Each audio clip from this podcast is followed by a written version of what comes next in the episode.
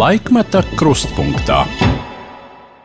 Esiet sveicināti Latvijas radio ēterā. Sestdienās skan raidījums laikmeta krustpunktā.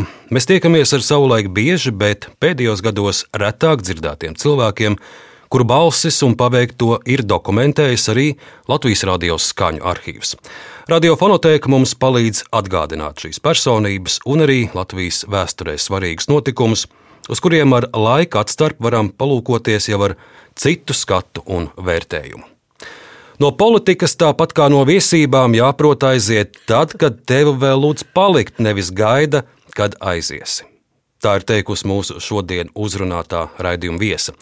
Viņa ir pirmā sieviete zemkopības ministre un pirmā un līdz šim vienīgā sieviete Latvijas valdības vadītāja. Man šodien ir liels prieks uzrunāt Laimdotu Straujumu. Labdien, Straujums kundze! Labdien visiem! Labdien. Kā jums tagad klājas, kad esat aizgājusi no šī politikas garā galda? Un aizgājusi pati, nevis pēc kāda lūguma. Man klājas labi, patiešām ir ļoti daudz interesantu lietu, ko darīt ārpus politikas. Un es piekrītu to, ko es kādreiz esmu teikusi, ka jā, jāprot aiziet pirms tevi lūdzu, pirms vēl tev lūdzu palikt. Tā kā es, es jūtos labi. Ir daudz lietu, ko es pirms tam nevarēju izdarīt, un tagad man ir beidzot laiks. Nu, miniet dažas no tām. Uh, kas ir interesants fakts, par jums, jums lasīja, ka jums visa dzīve ir saistīta ar uh, lauku lietām, ar lauku cilvēkiem. Jūs pat esat nākusi no lauku sētas, tik daudz darba gada arī zemkopības ministrijā, bet laimdotais straujumē nesot ne, ne kvadrātmetra sava zemes pleķīša, kur uzšināties. Vismaz agrāk tā bija. Nu, vispār jau es esmu beigusi fizikas un matemātikas fakultāti. Es sāku kā matemātiķis, un pēc tam aspirantūrā tikai lauksamniecības ekonomiku mācījos. Nu, man ir dēlam zemes pleķīts, kur es tagad rušinos, un te pierīgā. Un es esmu aizrausies. Viena no tagadējām aizraušanās man ir audzēt ārsniecības augus un garšaugus. Ziemassvētkos varēja visiem sagatavot paciņas, pašas audzētās tējas. Interesanti. Tagad nāk pavasaris, droši vien jums jau pirkstu gali, jau niez, jau ir Jā. projekti, ko sēsit, ko stādīsit. Man tās paplašināja lauciņu. tā kā, tā kā būs jauni stādījumi un, un vienā stūrī akmens dārs jāierīko, kur es esmu uzņēmusies jaunajiem jau tagad daudz darīšanu dažādu. Mēs mūsu šīs dienas runā, protams, daudz, ļoti daudz runāsim par politiku, arī par jūsu premjeras gadiem, bet eh, aizejot no politikas, jūs teicāt, ka esat sākusi rakstīt atmiņas par Jā. savu bērnību, par saviem vecākiem. Vecvecākiem par visu, ko jūs vēl atceraties, un, un ne publicēšanai, bet lai tas paliktu jūsu mazbērniem un nākamajām paudzēm, kā jums sokas ar šo atmiņu rakstīšanu.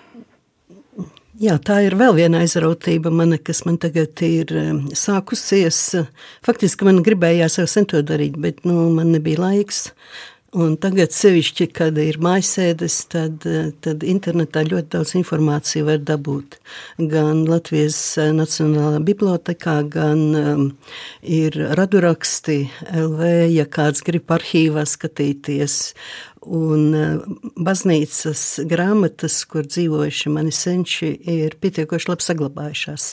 Tur tikai Bērsgalē ir daži gadi kad ir sadedzis arhīvs baznīcas. Diezgan daudz var, var sameklēt, un es Jā, es daudz esmu sarakstījis, kāds 200 lapas jau, bet eh, jo vairāk raksta, jo vairāk pēta, jo vairāk jautājumi rodas, kāpēc tieši tur, un, un kāpēc tieši zeme, un kā cēlās dzimta, un arī es sāku rakstīt par savu bērnību. Es kā bērns dzīvoju ļoti tālā Latvijā, pie pašas Krievijas robežas, eh, līdz sastāvdaļai klasē, bez elektrības. Un, eh, Un dzimto vietu sauc Bērzgala? Nē, Nē. Tā, ir, tā ir mana tēva dzimtas vieta. Un es izjūtu Latviju kā Bērzgali. Tur, kur es eh, dzīvoju līdz 6. klasē, tēvs strādāja par skolas direktoru. Tas bija Pilskalna septiņgadīgā skola, 5 km no Dauga, nu, es atvainojos, no Baltinavas. Un, un, jā, tā bija bērnība, kur, kur elektrības nebija, kur vienīgais. Es pat nezinu, kāds bija izklaide, bet šāds dambretes labi spēlēju, tajā laikā iemācījos, un vecākiem bija mašīna, tajā laikā jau ļoti reti, kam bija mašīna, sakrāta mašīna, arī vadot, pārdot papildus skolotāju darbam uz tā laikā Ļeņingradu kāpostu sābolus pārdot. Un ar to mašīnu mēs braucām. Bija tāds, es tagad domāju, kas tas bija. Moskvičs tāds kafijas brūns, kafijas ar pienu brūns. Tā kā, nu, tā bija pati bērnība, bērnība līdz sastai klasē. Un tad jau pārcēlās par cik uh, tēvam spieda stāties partijā. Un tās atteicās skolas direktors, kas nav partijā, tajā laikā nebija pieņemama tāda lieta. Un tad viņam lūdza aiziet no skolas direktora amata un atļaut strādāt par skolotāju matemātikas, fizikas. Un tad mēs pārcēlāmies uz Tilžu kuras beidz arī vidusskolu. Tā. Šī jūsu aizraušanās pētīt, senčus pētīt savu dzimtas koku, tā ir Tā ir viena lieta, kas, kas mūs kopā abus vieno, jo arī tā ir mana aizraušanās pēdējā uh, gada laikā, un es palūkojos uh, genīkom jūsu dzimtas koku. Es varu jūs vien apskaust un apbrīnot, cik tālu jūs esat tikusi. Arī varbūt ar savu radu palīdzību izpētot, jums patiesi nu, pamatīgs, pamatīgs tas koks ir. Un es arī palūkojos, jūs jau droši vien pat arī šos dokumentus esat redzējusi. Tiešām šobrīd daudz kas ir digitalizēts, un es, piemēram, nezinu, vai jūs esat redzējusi pati, atradu vakar, gatavojoties mūsu sarunai, jūsu vecvectēva Uljana Lustika Kaspara dēla pirmo pasi 1919. To gan es neatradu, neesmu atradis. Tad jūs Ā, es parādīšu pēc man raidījuma. pēc raidījuma to Redziet, Idosiet. Rīgas militārā policija 1919. gadā, un jūsu vecāks tajā brīdī ir bijis Namdaris, tautība rakstīts poļu. Kas ir interesanti? Nu, nekur es neesmu atradusi, ka poļu, bet iespējams, ka Latgalē. Un dzīvojas Rīgā lielā kalna ielā 68 dzīvoklis 5. Es gribētu šo. Es tiešām nezinu, kur jūs to atradāt. Man ir vecmāmiņas pase. Latvijas laika pasaules. Nu, redziet, jums pēc raidījuma būs vēl papildus, ko pētīt jā. un pielikt kādu informāciju klāt. Nu, un šo jau jūs droši vien zinat, šī ir 1800. Jā, to es esmu redzējis. 97. gada tautas skaitīšana. Jā, Šie visi ir jūsu senči. Jā. jā.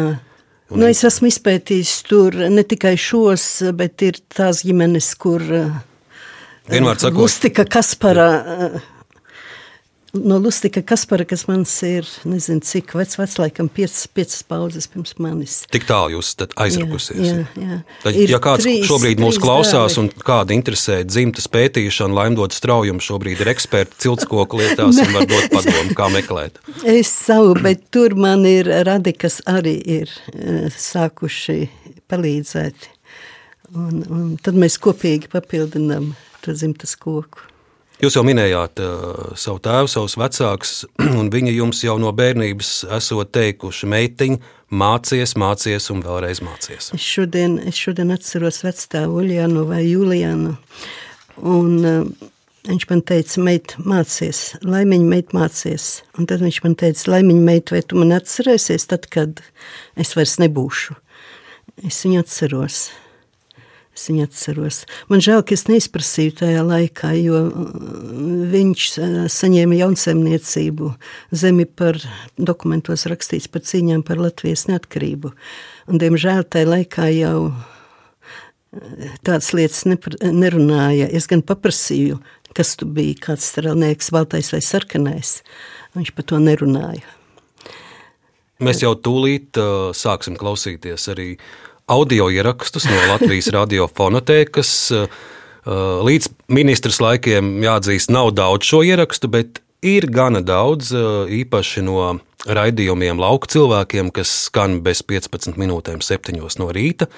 Dzirdēsim jūsu balsi, bet vēl pirms tam par eh, skolas gaitām, par mācību laiku. Pirmais ieraksts, kur vispār parādās laimdotas straujums, nu tā laikā laimdotas lustikas vārds ir laikraksts Pionieris 1958. gads. Cik jums tad bija gadu, varam. Septiņi gadi. Septiņi gadi. Un tad septiņu gadu vecumā jūs rakstat vēstuli uz laikrakstu pionieris 3. septembrī, tātad mācību gada sākumā. Drīkst es nedaudz, gadi. drīkst es nedaudz pacitēšu jūsu vēstuli. Ar lielu prieku gāju uz skolu pēc jaukās vasaras. Man ļoti gribējās sastapt savas draudzenes, aprunāties ar viņām, pastāstīt, kā pavadīju vasaru un uzzināt, ko vasarā darīja draudzenes.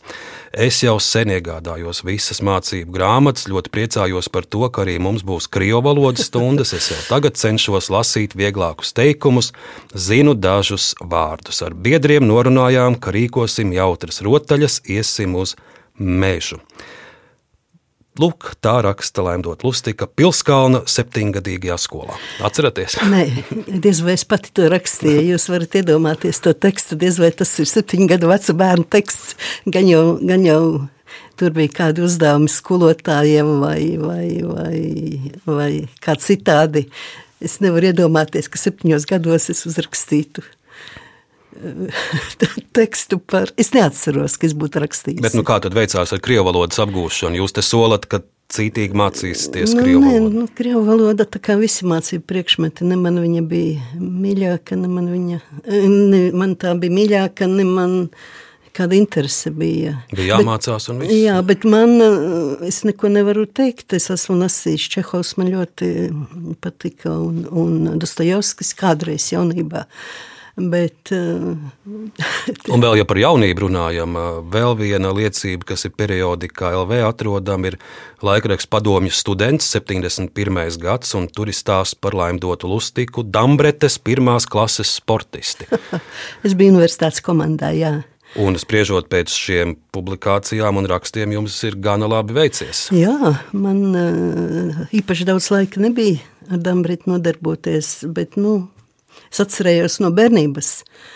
Un, un jā, jā, universitātē jau es biju vai nu pirmais vai otrais numurs, vai es neatceros. Bet universitātes komandā mēs spēlējām. Rīgas čempionātos, arī Latvijas kaut kur ap desmito vietu. Tā kā kaut kas bija. Tālāk mēs jau pārceļamies uz atjaunotās Latvijas pirmajiem gadiem un pēc neatkarības atgūšanas. Es saprotu, pareizi tie pirmie mēģinājumi bija sākt kaut ko biznesā darīt. Un tikai Jā. tad bija ierēdniecība un vispārējais. Nē, mēs um, izveidojām kopā ko, um, komandas. Tagad domāju, 5, 6 cilvēki, varbūt 10 uh, Latvijas datoru centru, kur, kur arī bija kādas daļas manas. Un trīs gadus mēs strādājām Latvijas datoru centrā. Es strādāju joprojām. Un, uh, es domāju, ka viņiem veicas labi, bet, uh, bet tad bija, mēs strādājām, pasūtījām darbu Latvijas lauksamniecības konsultāciju dienestam.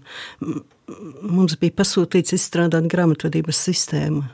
Un tā kā es biju daļēji programmētājs, daļēji lauksamnieks, nu, es vadīju to izstrādi. Un pienāca laiks, kad konsultāciju dienestam nebija naudas, pa ko samaksāt. Un tad bija jautājums, vai nu mēs pārtraucam to darbu, vai nu kā citādi. Un tad man uzaicināja vadība konsultāciju dienesta iet strādāt ozolniekos. Dot padomus jaunajiem veidot, zemniekiem. Veidot, veidot, veidot sistēmu grāmatvedības, kur man ir prieks, uz tās sistēmas bāzes strādā tagadējā sistēma. Mēs izveidojam to sistēmu, un tad es aizgāju uz prom no Rīgas, Tas bija 93. gads. Jā, prom no Rīgas uz zemāku algu. Un, uh, idejas vārdā īstenībā, jo 93. gads lauki tikko sāk attīstīties. Biznesa plāni, grāmatvedība, tās bija svešas lietas laukos. Strādājām un, un tā man prieks par tiem, ka darbiem, ko mēs izdarījām. Faktiski eh, nekas nav gājis zudumā. Tie darbi joprojām turpinās un uz to bāzes attīsta jaunas sistēmas. Es priecājos par to laiku ozolniekos. Bet es saprotu, tas laiks arī bija trauksmēns, jo bija periods, kad eh, par šī centra pastāvēšanu bija jārūpējas. Toreizējais lauksaimniecības ministrs Alberts Kauss plānoja visu likvidēt. Ja? Jā. Tā bija vienīgā reize, kad es raudāju par darbu. Un, Premjeras gados neesat raudājusi? Nē, nē, par darbu nē. Tā laikā bija, jā, bija doma likvidēt konsultāciju dienestu, un bija jau sagatavots rīkojums par likvidāciju. Man kā es tad biju direktora pienākumu izpildītāja vai jau direktoris īstenībā atceros laika sprīdi, bet es biju galvenā konsultācija dienesta un es braucu runāt ar kaulu. Un man zemnieki teica, neraudi lemdot, tad viņš nav to vasaru vērts. Zemnieki, kas man atbalstīja, bija zemkopības ministrijā. Un es nezinu, kas bija noticis. Bet es uzgāju augšā runāt ar ministru, un ministrs mani ieveda tālāk kabinetā. Un tad viņš teica tā, ka es jau neko, lai strādājiet, bet tikai nevajag atbalstīt Zemnieku savienību. Nekad nebija atbalstījis Zemnieku savienību. Tā tad jau politika ienāk. Jau, jā, bet, bet es iespējams, ka glāba arī tas, ka man bija doktora grāts tad jau. Un viņam uz galda es redzēju šo te manu teiksim, apliecību doktoru nokopētu un vēl kādas lietas saliktas. Un iespējams, tad arī premjerministrs eh, Šķēlskungs vai, vai, vai Bērziņa kungs, kas bija birojā premjera, atbalstīja, jo es tikos ar eh, Gundaru Bērziņu un runājām, ka konsultācijas dienas nenolikvidēja. Un tad gan es sapratu, ka viss mums ir jāiet prom no valsts iestādes statusa. Un mēs izdarījām visu, lai mēs izveidotu konsultāciju dienestu par eh, kapitāla sabiedrību, jo projām ir kapitāla sabiedrība. Un Straujams kundze mums uh, šo laiku, kur jūs nu pat uh, Jā. pastāstījāt, palīdzēs atminēties arī Latvijas radio audio fragments. Tas ir 2001. gada 2. septembra ieraksts uh, raidījums lauku cilvēkiem, kas vēl ar viens skan 6.45 Jā. no rīta. Tātad 2001. gads, un jūs intervē radio ziņu žurnālistu Māru Platace. Paklausīsimies! Es sāku strādāt tieši tad, kad dienas bija pārgājis uz ozolniekiem. Tā tagad atceros visai atstāta ēka, telpas bez apkuras, bez datoriem, bez kopētājiem. Īstā attīstība sākās, kad atnāca ārzemju palīdzība ar finansējumiem, kad mēs varējām apmācīt cilvēkus, nopirkt datorus, sākt veidot dažādus konsultāciju līdzekļus, kā grāmatvedības sistēmu, programmas, kas sastāda barības devas, mēslošanas plānus un biznesa plānus. Atceros, kādā seminārā zemniekiem mācījāt, kā apiet neveiksmīgus likumus, kā zemnieks var izmantot savā labā. Varbūt tā. Vai šodien, kā ministrijas valsts sekretāri, arī jūs paturat spēkā, ka zemnieks tā drīkstētu rīkoties? Es paturu spēkā šo viedokli. Tas bija 94. gadā, tik tiešām mēs sākām veidot grāmatvedības sistēmu, un es braucu pa rajoniem un stāstīju zemniekiem, kā rīkoties, lai apietu nepilnības likumdošanā. Ja likumdošana nav pilnīga, jāmeklē iespējas. Mm -hmm. Bet vai te nav mazliet pretrunas, tad jūs pašas kā valsts pārstāvi un bijušā konsultanta? Mans pienākums ir šajā amatā rūpēties, lai šo nepilnību nebūtu. Protams, dažādi laiki bija. Mums bija gan nedraugi, gan draugi. Vissmagākais bija, kad bija ministrs Kaulakungs. Konsultācija dienas izdzīvošana bija zem liels jautājuma zīmes, bet mums bija arī draugi, piemēram, bijušais ministrs Kinnas kungs. Protams, mums bija arī liels atbalsts no zemniekiem. Jums arī raidījumos piedalījās zemnieki, un arī laukavīzē bija ļoti daudz atbalsta raksti, tā kā tā draugu mums ir patiešām daudz. Un uzulniekos tad arī mēģinās konsultāciju dienests atcerēties šos desmit gadus, uzaicinot gan visus savus draugus, gan arī kaimiņu valstu konsultāciju dienestus. Cik es zinu, būs gan Lietuvas, gan Igaunijas, gan Dānijas, gan Lielbritānijas konsultāciju dienas pārstāvji. Jā, un Dāņi palīdzēja izveidot dienestu pēc, tā teikt, sava ģīmija un līdzības. Kopš šīs intervijas jau 20 gadu aizritējuši. Nu, ko es varu piebilst? Un tā bija.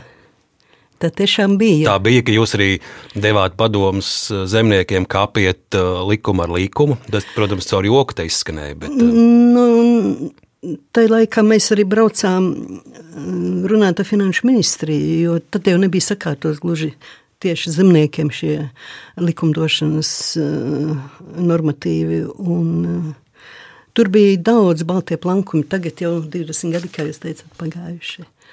Jā, mēs to strādājām, bet likuma ietvaros. likuma ietvaros. Uzņēmēju aptaujās jūs esat novērtēta arī kā zelta ierēdne, arī ar šādu atzinību, uh, tagad palūkosimies uz jūsu ierēdnes gadiem. Vēl viens ieraksts no Latvijas radio arhīva 1900, ne, tas jau būs 2002. gads. Jūs esat uh, Zemkopības ministrijas valsts sekretāre. Jā. Klausamies! Labrīt, Lendot strāja mūsu studijā. Labrīt! Nu, tad izskatās, ka viss ir praktiski izlemts un zemniekiem nekādas pārlieku lielas cerības uz kvotu palielinājumu, arī uz šo maksājumu palielinājumu laikam tomēr nevajadzētu lolot. Es tomēr gribētu sadalīt šo jautājumu divās daļās. Pirmkārt, tie tiešie maksājumi, kuri jau ir paredzēti Eiropas Savienības budžetā. Un, uh, Vienkārši tā nauda ir tik liela, cik ir paredzēta, un līdz nākošā budžeta sastādīšanai 2006. gadā Eiropas Savienība neredz, kur atrast papildus līdzekļus tiešām maksājumiem. Tomēr vismaz Latvijas sarunu delegācija un arī Baltijas valstis kopā. Mēs domājam, ka nepieciešams, ja nav iespējams tiešo maksājumu veidā, nepieciešams citādi kompensēt šos tiešos maksājumus un citādi kompensēt varētu izmantot nacionālās subsīdijas vai arī darot uh, vienkāršāku struktūrālo fondu līdzekļu saņemšanu. Nacionālās subsīdijas tas jau ir valsts kompetencē. Valsts kompetencē gan, bet, bet no Eiropas. Eiropas Savienībā nacionālās subsīdijas ir atļautas ļoti ierobežotā veidā. -hmm. Bet ja. par kvotām, es atvainojos, bet par kvotām, par kvotām Fišlera kungs um, savā tikšanās reizē ar mūsu ministru teica, ka ir iespējas diskusijām. Arī mazs fragments no garākas intervijas, protams, tas ir 2002. gads, šis garais ceļš uz iestāšanos Eiropas Savienībā. Jā. Arī stāsts par to, ka ar vienu mūsu daudziem lauksaimniekiem ir aizvainojums, ka salīdzinot ar, ar citu Eiropas valstu zemniekiem, krietni, krietni zemāks atbalsts ir mūsējiem bijis un ir ar vienu. Jā, tā tas bija. Jo iestāšanās sarunas notika uz noteikumiem, par ko vienojās abas puses - Eiropas Savienība un, un kandidātu valstis. Un Eiropas Savienībai tur bija mm, noteikts algoritms, kā viņi aprēķināja tiešos maksājumus. Un viens no, viens no galvenajiem rādītājiem tur bija vidējās ražības vidēja ražība valstī. Un mēs tad izdarījām, mums bija ļoti zema, mums bija zemākā Eiropas Savienībā. Un, lai mēs nedaudz uzlabotu šo situāciju, mēs veicām dažādus mēģinājumus šo statistiku nu, uzlabot, ja tā varu teikt. Mēs aprēķinājām šo ražību tādām saimniecībām, kas ir virs kāda noteikta lieluma, jo lielās saimniecībās bija labāka ražība. Un tas nedaudz mums palielināja tiešmaksājumu lielumu, bet vienalga tas bija zems. Bet tagad jau ir tāda lielāka laika atstāja raugoties, kaut ko varēja darīt Nē. savādāk, toreiz vest Nē. sarunas ar Briseli savādāk, lai atbalsts būtu lielāks. Lauksaimniecība jau nebija vienīgā. Iespējams, vajadzēja ilgāk runāt lauksaimniecībā, bet uh, tas jau bija komplekss ne tikai lauksaimniecība, tā bija doma par valsts drošību. Un, un jā, tirgu kopējo. Un tādas lietas, kas, kur varbūt saruna laikā tika pieņemts šis piedāvājums, kāds tika izdarīts no Briseles puses, bet es gribu teikt, ka Eiropas komisija arī nebija noskaņota mainīt savu pieeju kādai valstī izdarīt izņēmumu no viņu pieņemta algoritma.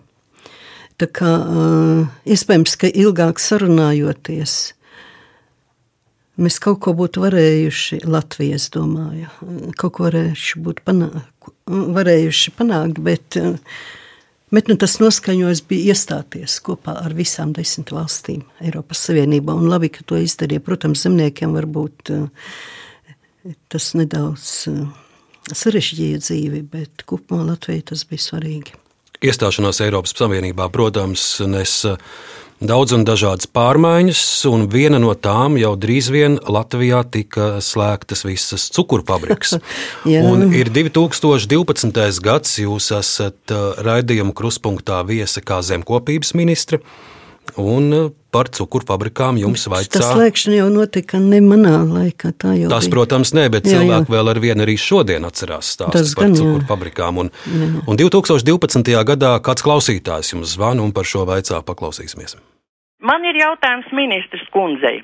Kur viņa bija tajā laikā, kad tika lemts jautājums par cukurbiešu likvidēšanu? Kāpēc es neatceros, ka kāds no valdības būtu cēlies kājās un teicis, ziniet, tā ir kļūda, tā mēs darīt nedrīkstam, tā ir veselas mūsu saimniecības iznīcināšana. Toreiz visi tādā sajūsmā bija, vai cik labi, tagad tikai viesu mājas varēs rīkot un tā tālāk. Ir ļoti vienkārši pēc pieciem gadiem pateikt, ziniet, tā bija kļūda, jā. Un vai tāpat nebūs šodien arī ar to pienu? Nu, ko nozīmē kvota gosniņai? Kā tad viņai var kaut kādu, es nezinu, korķi pielikt priekšā vai ko, lai viņi mazāk dod. Tātad par, par, piena, par cukura kvotām vispirms. Nu, tad man ir jāatkārto vēlreiz cukuru rūpnī, cukuru uh, fabrikas. Cukuru fabrikas piederēja privātiem cilvēkiem. Tātad tas bija privātais īpašums, kur valsts nevarēja ne ne aizliegt, ne neaizliegt privātiem īpašniekiem ar savu īpašumu darīt to, ko viņi vēlējās. Tajā laikā Eiropas Savienība piedāvāja ļoti izdevīgas, ļoti izdevīgus maksājumus par to, lai pārtrauktu cukuru ražošanu. Un mūsu uzņēmēji pieņēma šos maksājumus. Un arī vēl šobrīd zemnieki, kas, kas audzē cukurbietis, saņem kompensācijas maksājumus, gan arī pašvaldības saņem kompensācijas par to, ka, ka šī ražošana tika pārtraukta. Es uzskatu, ka šeit bija, es vēlreiz varu pateikt, ka šī bija kopējā kļūda. Eh, Eiropas Savienības nepareizi aprēķini. Tā kā, nu, man grūti, tajā laikā es biju valsts sekretāra un nebija valdībām. Lūk, šis ir uh, ieraksts pirms desmit gadiem raidījumā Kruspunkta, vai tagad pēc desmit gadiem uz šīs klausītājas jautājumu jūs atbildētu tieši tāpat, vai kaut ko vēl papildu skaidrotu? Ne, nu, ko piebilst, tur ir pateikts viss ļoti precīzi, jo tika piešķirti ļoti lieli maksājumi biznesam, lai atteiktos no cukurbiežu cukuru ražošanas biznesa. Un tie maksājumi bija tik lieli, ko saņēma īpašnieki, kurus viņi nebūtu nopelnījuši strādājot. Līdz ar to, līdz ar to notika tas, kas notika. Tika, tika pārtraukta cukuru ražošana Latvijā. Un, jā, nu, ko, ko, ko tur piebilst, tā tas bija faktiski Eiropas Savienība bija cukura pārbagātība, tā, pārbagātība tajā laikā, un, un Eiropas komisija pieņem tādu lēmumu. Nu, nezinu, es Šobrīd tās kvotas ir atceltas. Šobrīd jebkurš var veidot uh, fabrikas cukuru, bet uh, tas bizness ir aizgājis un izveidot tagad. Uh, es nedomāju, ka tas būs iespējams tieši ekonomiski ekonomiski. Bet eh, tajā laikā, pirms desmit gadiem, es pastāstīju to, kā bija. Saņēmu visi kompensācijas un, un pārgāju uz rapsi. Tik tālu par cukuru, bet uh, mūsu nākamais stāsts vairs nebūs tik salds, jo tas būs par politiku. Tajā jūs esat piedzīvojuši arī daudz un dažādus rūkuma brīžus. Ja par politiku jūsu pirmā saistība ar politiku jau ir 98. gads, jūs iestājaties Tautas, Tautas partijā, partijā, kur dibināja Andris Šķēle. Kāda toreiz bija tā motivācija? Nu, tad, tad atbrauca uz ozolniekiem uh, Gunārs Bērziņš, zemnieks, tajā laikā un arī tagad. Un, uh, jā, viņš pārliecināja, bija doma, ka mēs strādāsim Latvijas lauku, Latvijas kupumā labā. Un uh, es noticēju Tā sākotnēji bija ārkārtīgi interesants mums diskusijas gan ozolniekos, gan, um, gan arī Rīgā. kur mēs runājam par lauku nākotni. Štokenbergs, Aigars un Kalvīts Aigars un, un Šķēles kungs piedalījās, un lielie zemnieki daži. Bija ļoti interesanti, un es negribu noliegt, ka pirmie Andra Šķēles valdības gadi bija veiksmīgi. Tika izveidots bezdeficīta budžets, Latvijā un daudzas neliederīgas izmaksu pozīcijas tika nogrieztas. Protams, kas notika vēlāk, nu, tas, kas tur notika. Nu, kas tur notika? Nu, es biju partijā, bet uh, es biju attālināta. Jāsaka, no, no, es nebiju valdē, es nebiju Bet ar lauksaimniecības lietām jau nu, tik attālināti jūs nebijāt. Jūs jau droši vien redzējāt, kas notika piemēram ar pārtikas uzņēmumu privatizāciju un šķēlskungu. Nu, tas notika pirms 98. gada. Tas jau bija noticis. 98. gadā jau visi uzņēmumi faktiski bija privātās rokās. Tā kā, jā.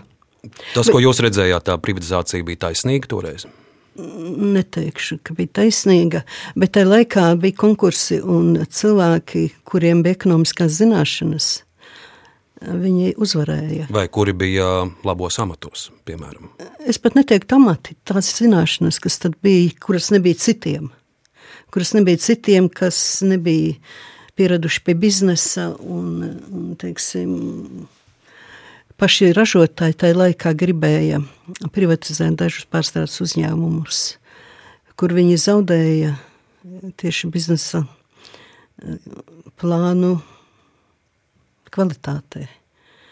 Ja tā var teikt. Es neuzskatu, tur bija daudz kļūdu, un es negribu teikt, ka tikai Latvijā tās kļūdas. Manuprāt, visās valstīs, kuras pārgāja no sociālismu uz kapitālismu, uzreiz un vienā dienā.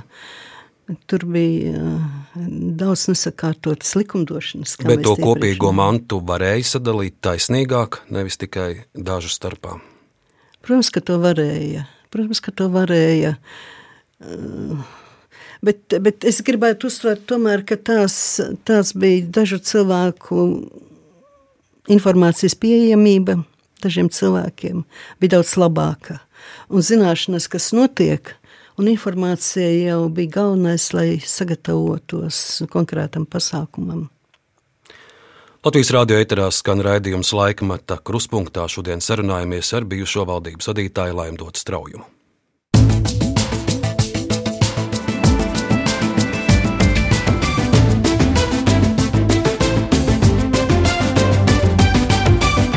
Laikmeta krustpunktā.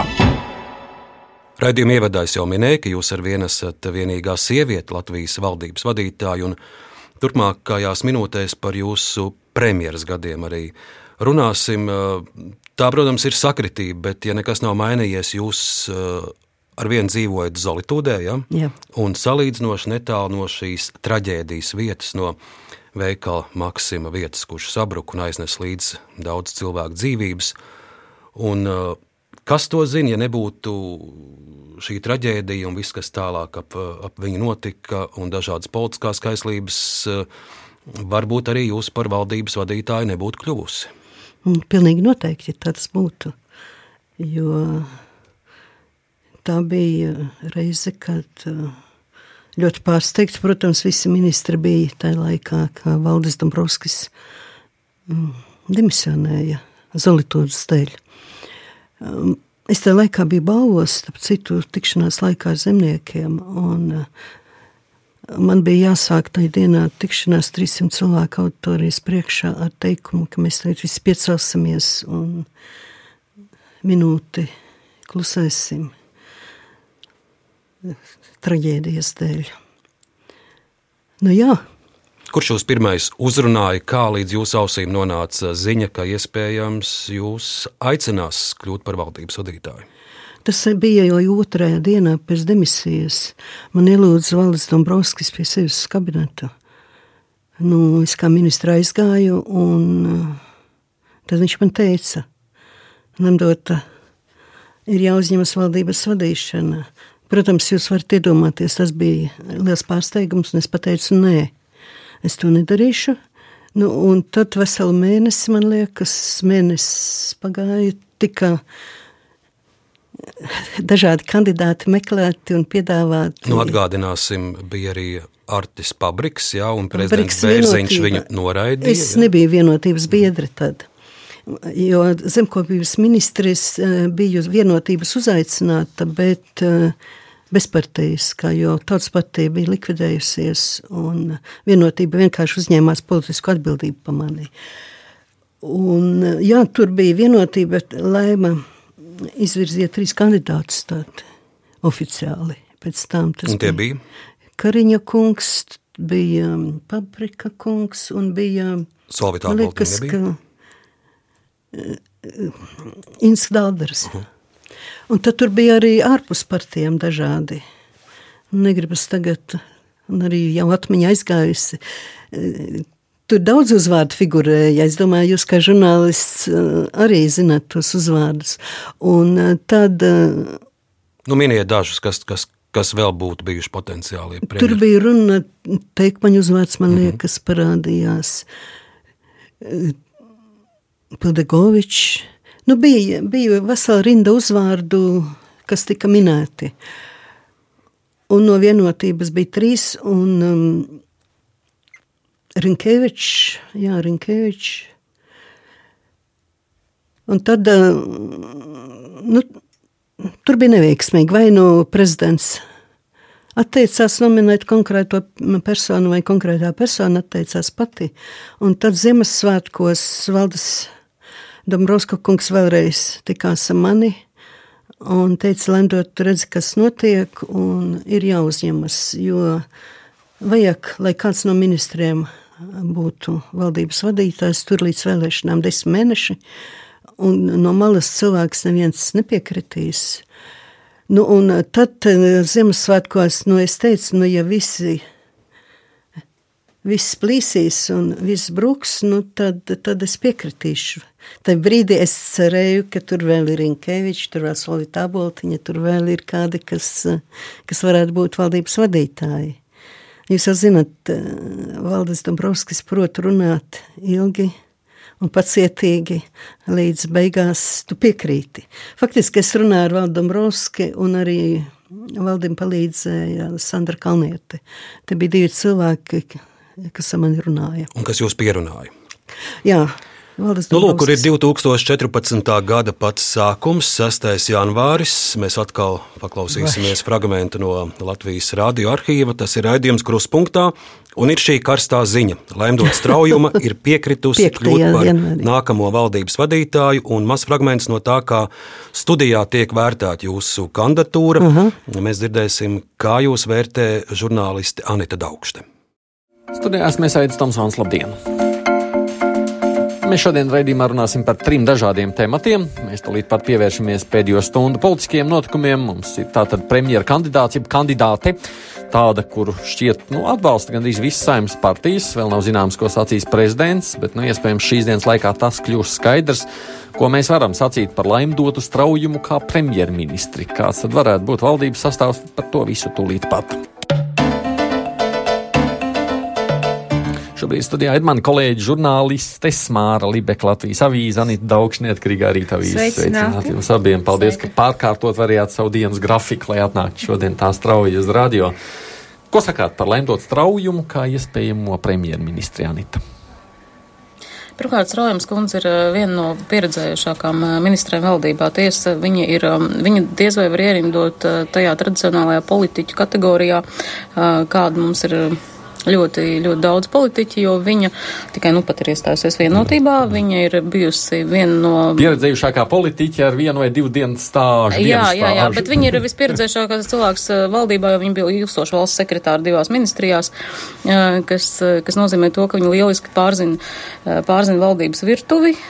Tiesa, tas arī nozīmē to, ka viņa diez vai pietiekoši labi pār, pārzina politikas, politikas ķēķi tādā izpratnē, kā Uh, Kurš tur ar ko aiz muguras un kā? Jā, uh, jā bet, bet es domāju, ka nevajadzētu būt arī teiksim, tā pārlieku skeptiskiem šajā jomā.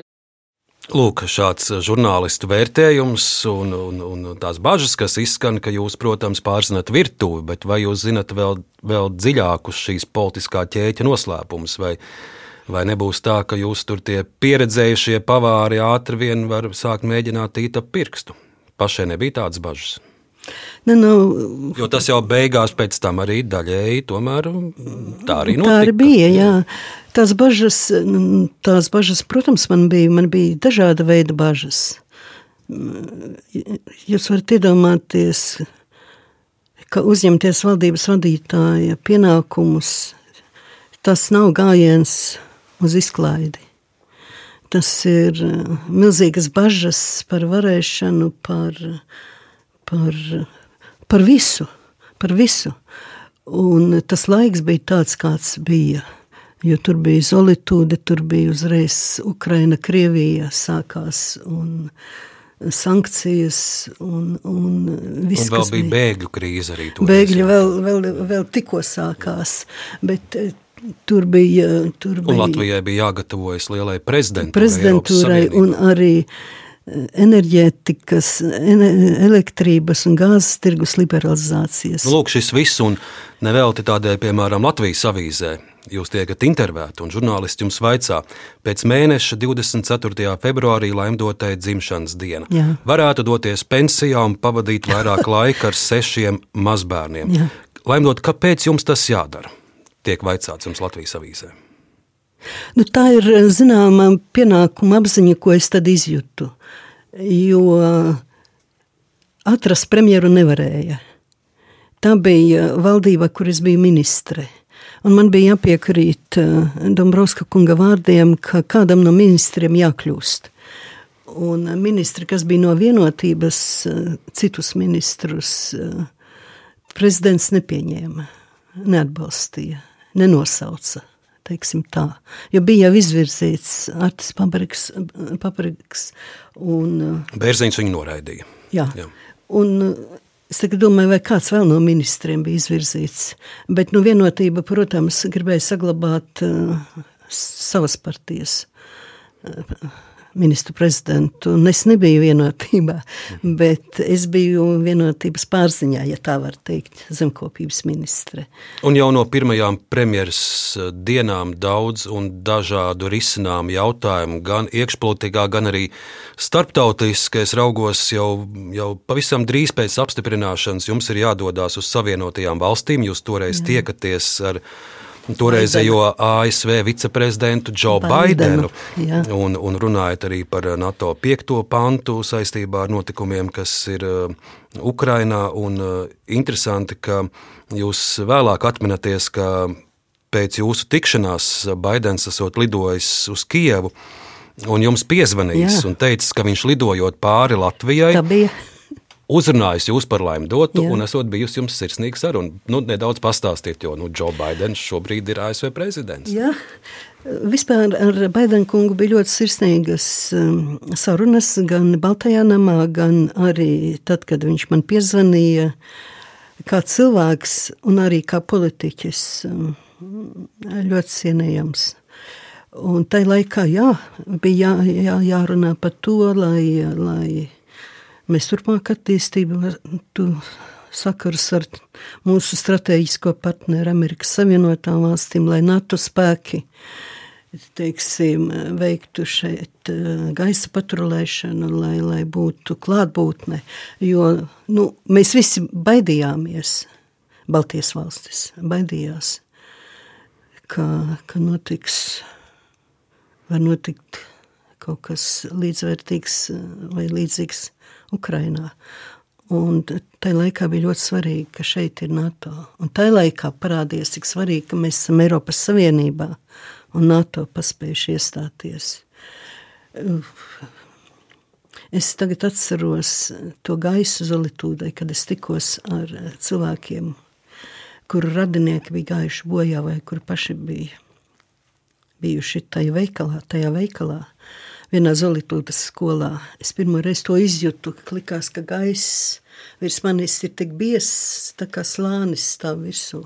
Tās sāpes, kas tur bija, bija neaprakstāmas. neaprakstāmas, bet to jau nevarēja vairs neko darīt, tie cilvēki bija aizgājuši. Likumdošana bija jākārta, būbu, būvniecības likumdošana. Bija atlikumi palikuši no krīzes laika, citadeli. Nu, lūk, un jūs pieminat Citadeles banku, un tā, godīgi sakot, ir viena no retajām lietām, kur vērtējot jūsu premjeras darbu, izskan arī kritika, īpaši daudz viņas nav, bet Citadeles jautājumā Dažbrīd ir dzirdams vērtējums, ka Latvija iespējams eh, šo banku pārdeva amerikāņiem pārāk lēti, mēs varējām nopelnīt vairāk.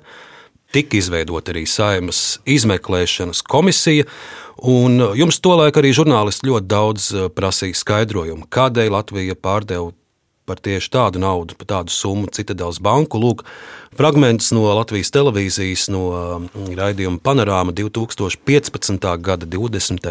aprīlis. Šī ir eh, nu, tā summa, kas ir pēc, pēc vienošanās. Bet eh, kopumā rēķino, eh, ņemot vērā, kāda bija iespējamie rezultāti, tad es domāju, ka šis ir ņemot vērā visu, gan, gan ģeopolitisko stāvokli, gan banku sistēmas dažādošanu, gan, gan korespondētāju kontu esamību ar ASV un, un Amerikas kontinentu vispār. Tas, manuprāt, ir labākais iespējamais risinājums, kas bija iespējams. Ja runājam par citiem piedāvājumiem, tad tā cena bija. Uh, tur, es domāju, nav salīdzināms ar tiem iegūmiem, pozitīvais teiksim, iegūms, uh, kas būtu Nu, pietiekoši maza starpība bija eh, zem desmit miljoniem. Šī starpība bija. Tā kā, es domāju, ka tas iegūms, kas ir pārdodot eh, tāda līmeņa investoriem banku, manuprāt, ir daudz, daudz lielāks nekā būtu finansiāli. Šāds jūsu skaidrojums 2015. Es, gadā. Toreiz arī Saimnes izmeklēšanas komisija secinājis, skatos, ko tās vadītājs Gunārs Kūtris teica, ka mēs nevaram pateikt, ka kaut kas ir pārkāpums, bet mēs varam teikt, ka ir lietas, kas bija neprofesionāli vai nelabi atrisinātas pilnīgi nepiekrītu tam, ko teica Kutra kungs. Es uzskatu, ka tas bija pareizs lēmums arī šodien, pēc daudziem gadiem, pēc vairākiem gadiem. Jo pirmkārt, tā bija banku sistēmas dažādošana. Ienāca ASV kapitāls blakus Zviedru, Krievu un uh, pašu Latvijas kapitālam bankās. Tā ir pirmkārt banku drošība, tā ir drošība ņemot vērā arī mūsu stratēģiskās intereses, eh, nacionālo drošību. Un eh, šobrīd, vērojot tos biznesa plānus, atceroties, kas tika piedāvāti un zinot, kas eh, notika ar ABLV un, un kopumā banku sistēmā, es domāju, ka tas bija pareizs un vienīgais iespējamais risinājums. Vienīgais pareizais. Arī šodien es to uzskatu. Un tie, kā jau teicu intervijā, tie eh, daži miljoni, ko varēja dabūt vairāk, eh, tas neatsver tos iegūmus, ko mēs esam ieguvuši. Un Citadela strādā un ir stabila banka. Citadela nebija vienīgais veids, ar kuru tika mēģināts šūpot jūsu valdību, un katrai valdībai ir sākums un beigas. Jā. Un mums, protams, ir jā, jānāk pie stāsta arī par jūsu valdības galu. Paklausīsimies 2015. gada 3. decembra raidījuma kruspunktā. Jau gaisā virmo pirmās vēsmas par gaidāmo demisiju Liekas, un atkāpšanos. Decembrī, nu, paklausīsimies ierakstu. Sestdien būs vienotības kongress, un tāpēc es sākšu ar ļoti tiešu jautājumu, vai jūs apsverat iespēju, ka varētu paziņot par savu atkāpšanos, jeb demisiju sestdienā? Es nepaziņošu par atkāpšanos. Uh, negribat? Proti, negribat atkāpties. Gribat turpināt ne. darbu? Vai, vai... Es, es neturos pie krēsla, bet tas nebūs vienotības kongress. Kad jūs to paziņosiet? kad, nu, es saprotu, tagad man būs desmit jautājumi nu, dažādos variantos. Un, uh, un uh, es varu atbildēt tā, ka es esmu atbildējis. Katra valdībai reiz pienāk gals. Katra valdība ir terminēta uz noteiktu laiku. Un uh, katrs valdības vadītājs ar to rēķinās. Un jūs jau redzat to galu? Es personīgi redzu, bet, bet cenāmies žurnāls tad, kad tas būs, tad jūs visi, Bet kāpēc, un arī sabiedrība. bet kāpēc jūs redzat? Man interesē, nu, kāpēc ir tās runas par to, jo, nu, nu valdība taču var strādāt. Kāpēc redzat Protams, var galvu? strādāt. Uh, Šobrīd ir milzīga kampaņa organizēta pret mani, faktiski pret mani vairāk nekā pret valdību šajā pēdējās divās nedēļās. Un, uh, un uh, zināmā mērā tas ietekmē. Zināmā mērā tas ietekmē, bet uh, valdība strādā, nu pat es atgriezos pie jums, trīs stundas vadīju fondu darba grupa, tā kā, tā kā nekāda darbības pārtraukuma nenotiek, bet tad, kad laiks pienāks, tad visi uh, kruspunkti, kruspunktu klausītāji un visi Nu, citi mēs, protams, klausītāji ka uzzināsim, uzzināsiet. bet tas nozīmē, ka jūs sakāt, ka tā kampaņa ir tāda, ka jūs nespēsiet stāvēt tai pretī? Nē, es strādāju. Es strādāju joprojām. Mani, mani psiholoģiski man nevar salauzt. Tā kā, tā kā tādā ziņā pilnīgi droši.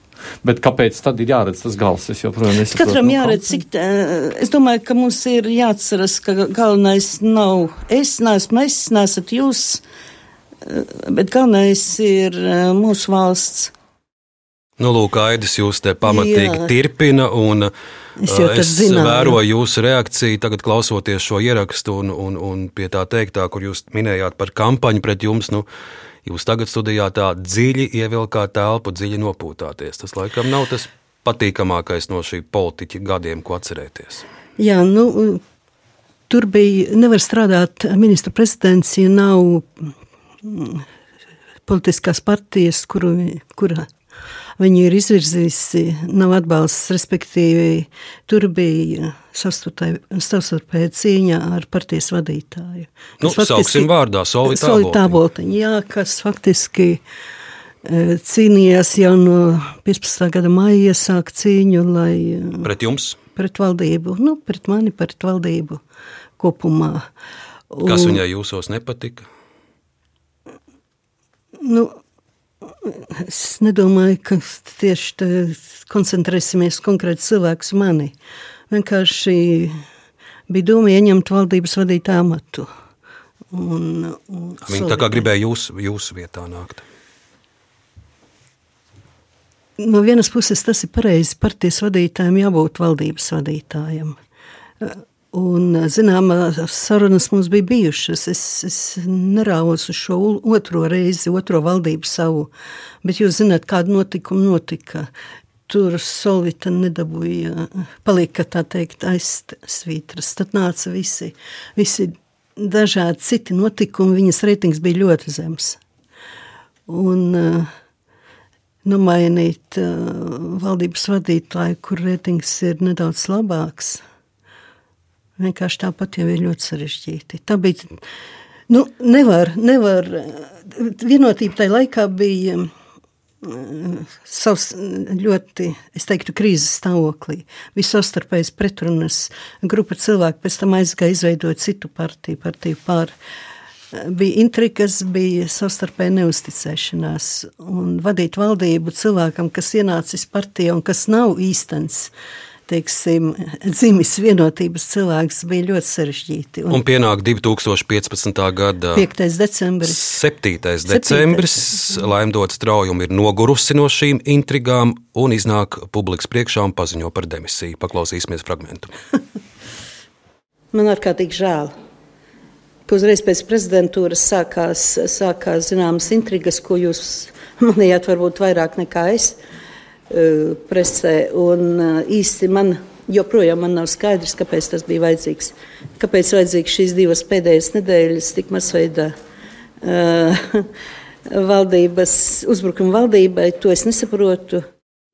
Lūk, šādi jūs uh, pamatojat savu demisiju, bet jau dažas dienas pēc jūsu paziņojuma uz Latvijas radio studiju tiek aicināta Sandra Kalniete. Viņa skaidro savu versiju, kādēļ jums bija jāatkāpjas no valdības vadītāja amata. Jūs jau mums te nedaudz pavērāt priekškaru uz tām intrigām. uh, Par tām runā arī uh, Sandra Kalniete 2015. gada 14. decembris interviju raidījumā Labrīt. Tas bija tāds process, kas sākās vairākus mēnešus eh, pirms uh, straujuma atkāpās, un tas arī bija jūtams, ka vairs nav atbalsts straujums valdībai no vienotības vadības puses. Uh, un tas nekad neizskatās labi, jo es faktiski nezinu nevienu citu Latvijas politisko partiju, uh, kas tā izturētos pret saviem premjerministriem, kā izturējās pret uh, lēmdot straujumu. Tas ir mans novērojums no malas. Un es domāju, ka arī uh, līdzīgi uh, daudz cilvēku Latvijā jūt to pašu. Es domāju, daudz cilvēki rūpīgi politikai iespējams nesako līdz kā tad tā partija vadība izturējās pret lēmdot straujumu. Lēmdot straujumu savā darbā, protams, pieņem dažādas lēmumus, kas nav populāri. Un ja šos lēmumus um, partijas vadība pietiekami neatbalsta, pietiekami ar tiem nestrādā saimas uh, frakcijā un ar citām frakcijām, tad, protams, ka premjerministrē nolaižās rokas. Kurš ir tas cilvēks, kurš ir uzcerējis savai politiskajai atzimšanai, mēdīju runā par Solvitu Abotiņu, vai jūs arī tajā pašā virzienā? Uh, acīm redzot, mēdī zina vairāk nekā es, bet, protams, no tām diskusijām, kas ir izveidojušās tagad vienotībā, iespējas ir, ka tiešām tā ir solvītā boltiņa, taču man liekas, tā ir pilnīgi tāda um, debata, kas ir novirzījusies no galvenā, jo mēs visu laiku centrējamies uz vienu cilvēku. Būs, nebūs, ko grib, kā darīs, ko teiks, ko neteiks. Bet patiesībā, veidojot valdību, situācija vienmēr ir daudz, daudz slāņaināka, tāpēc, ka nekad jau nav tā, ka to kandidātu, ko izvirza, uzreiz visi pieņem. Tāpēc, ka gal galā valdība Latvijā vienmēr veido vairākas partijas, nevis viena partija. Uh, un, um, nu, piemēram, atcerēsimies, kā tap straujums pirmā valdība. Vispirms vienotība izvirzīja Arti Pabriku, kurš uh, nebija pieņemams kā kandidāts valsts prezidentam Bērziņam, jo Bērziņkungs vēlējās, lai šo darbu uz, un pienākumu uzņemtos Solvitā Boltiņu. Arī valde lūdza Solvitā Boltiņu to darīt. Uh, taču uh, toreiz viņa atteicās. Arī uz vēlēšanām uh, vienotība gāja ar straujumu kā nākamo ministra prezidentu. Un man liekas, ka situācijā, kad tagad divas no potenciālajām koalīcijas partnerēm ir pateikušas, ka vienotības vadībā jā, bet vēlētos eh, tādu ministra prezidenta kandidātu no vienotības puses, eh, kura reputācija ir neapšaubāma. Un, Pat bez šīs piebildes reputācija neapšaubām, pats fakts, ka partneri nevēlās strādāt Eh, tā vai cita cilvēku vadībā. Nu, Nacionāla apvienība uzreiz pēc strāņas demisijas sanāca kopā un pateica, un vienīgais jautājums, cik es saprotu, ko viņi bija lēmuši, ir, ka solvita aboltiņa noteikti nē. Nu, jā, viņi to pateica, bet tas ir ļoti nopietnas signāls, tāpēc, ka izveidot tādu stabilu un rīcības spējīgu un pieredzējušu valdību bez Nacionālās apvienības faktiski nav iespējams. Lūk, tā Sandra Kalniete, kur uh, saka, ka vienotība necienīgi izturējās pret savu premjeru. Jūs to jutāt? Un kā mēs arī tagad eh, no jums uzzinām šodien, ka Sandrai Kalnietē bija būtiska loma, lai jūs pierunātu kļūt par premjeru. Mm, jā, faktiski Vārds Dombrovskis un tāds Sandra. Ir cilvēki, bet uh, man ir prieks, ka vienotība ir pārvarējusi šo krīzi un ir beigušās savstarpējās intrigas un ir kolektīvs, kas uzticas un strādā, un man prieks par vienotību šodien tiešām. Cik jūs aktīvi vēl šodien eh, sekojat politikai vai tam, kas notiek jūsu partijā? Nu, es sekoju, jo es esmu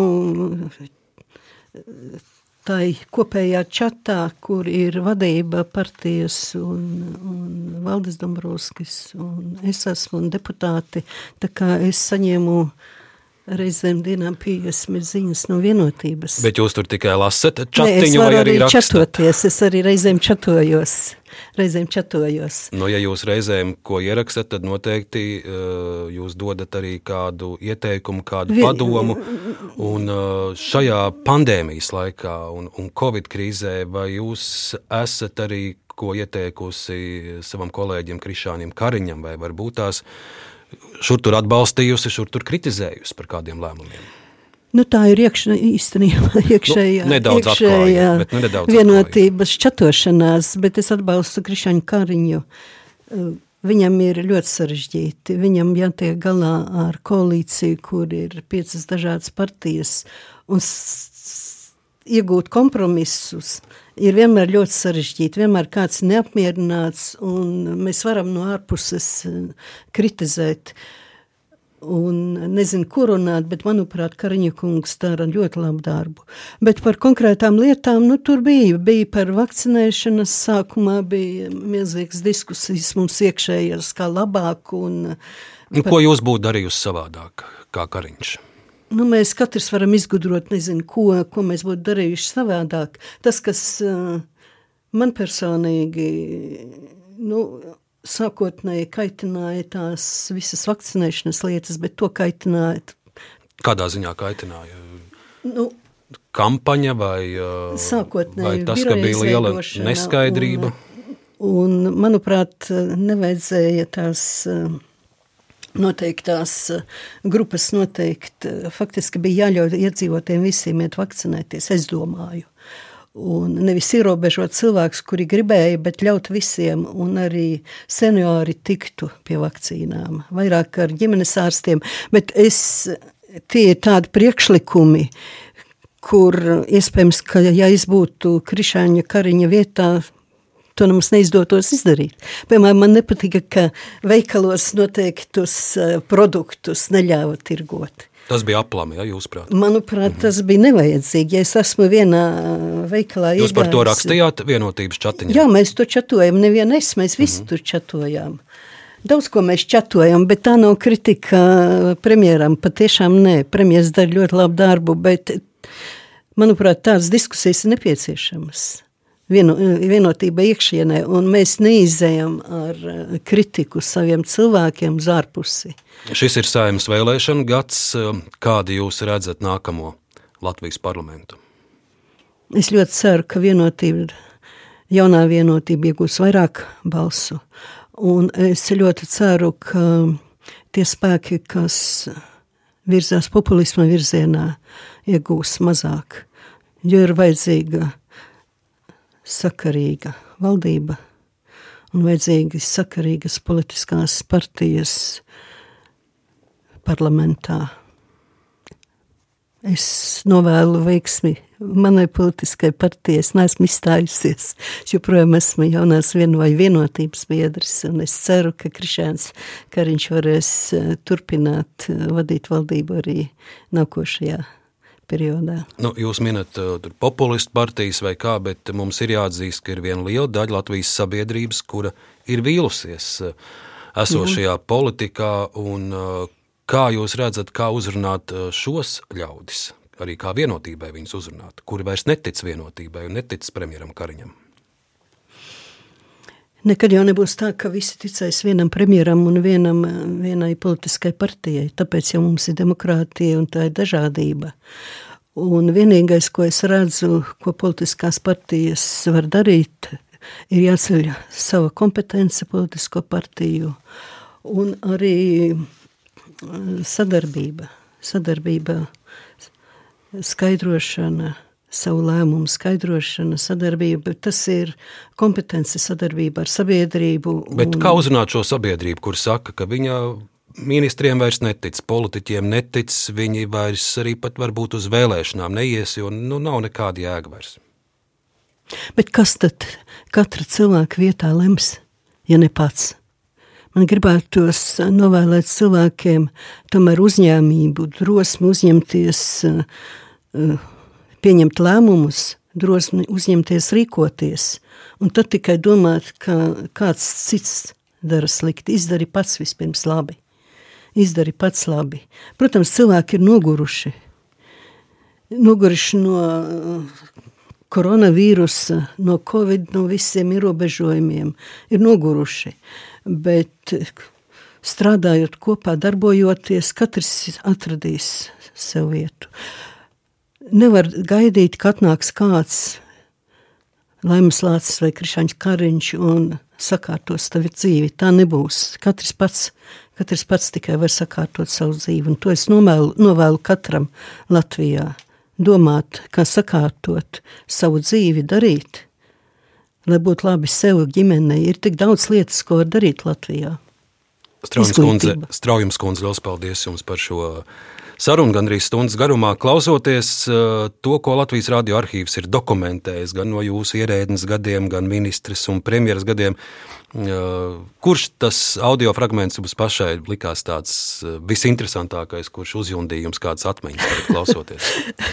nu, tas senākais man bija aizmirsies par zemnieku grāmatvedību, ka es esmu runājis par lietām, kā apiet zināmus, zināmus likumdošanas aktus vai, vai izmantot pareizi, tas man bija pilnīgi aizmirsies.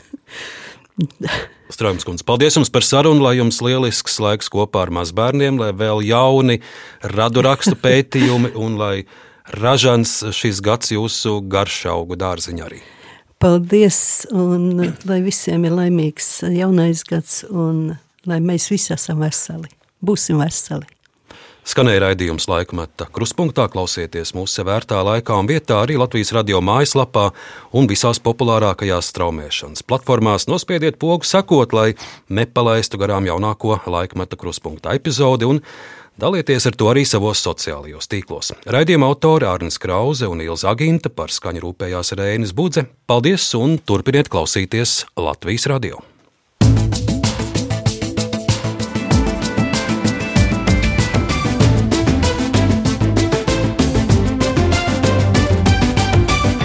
Laikmeta krustpunktā.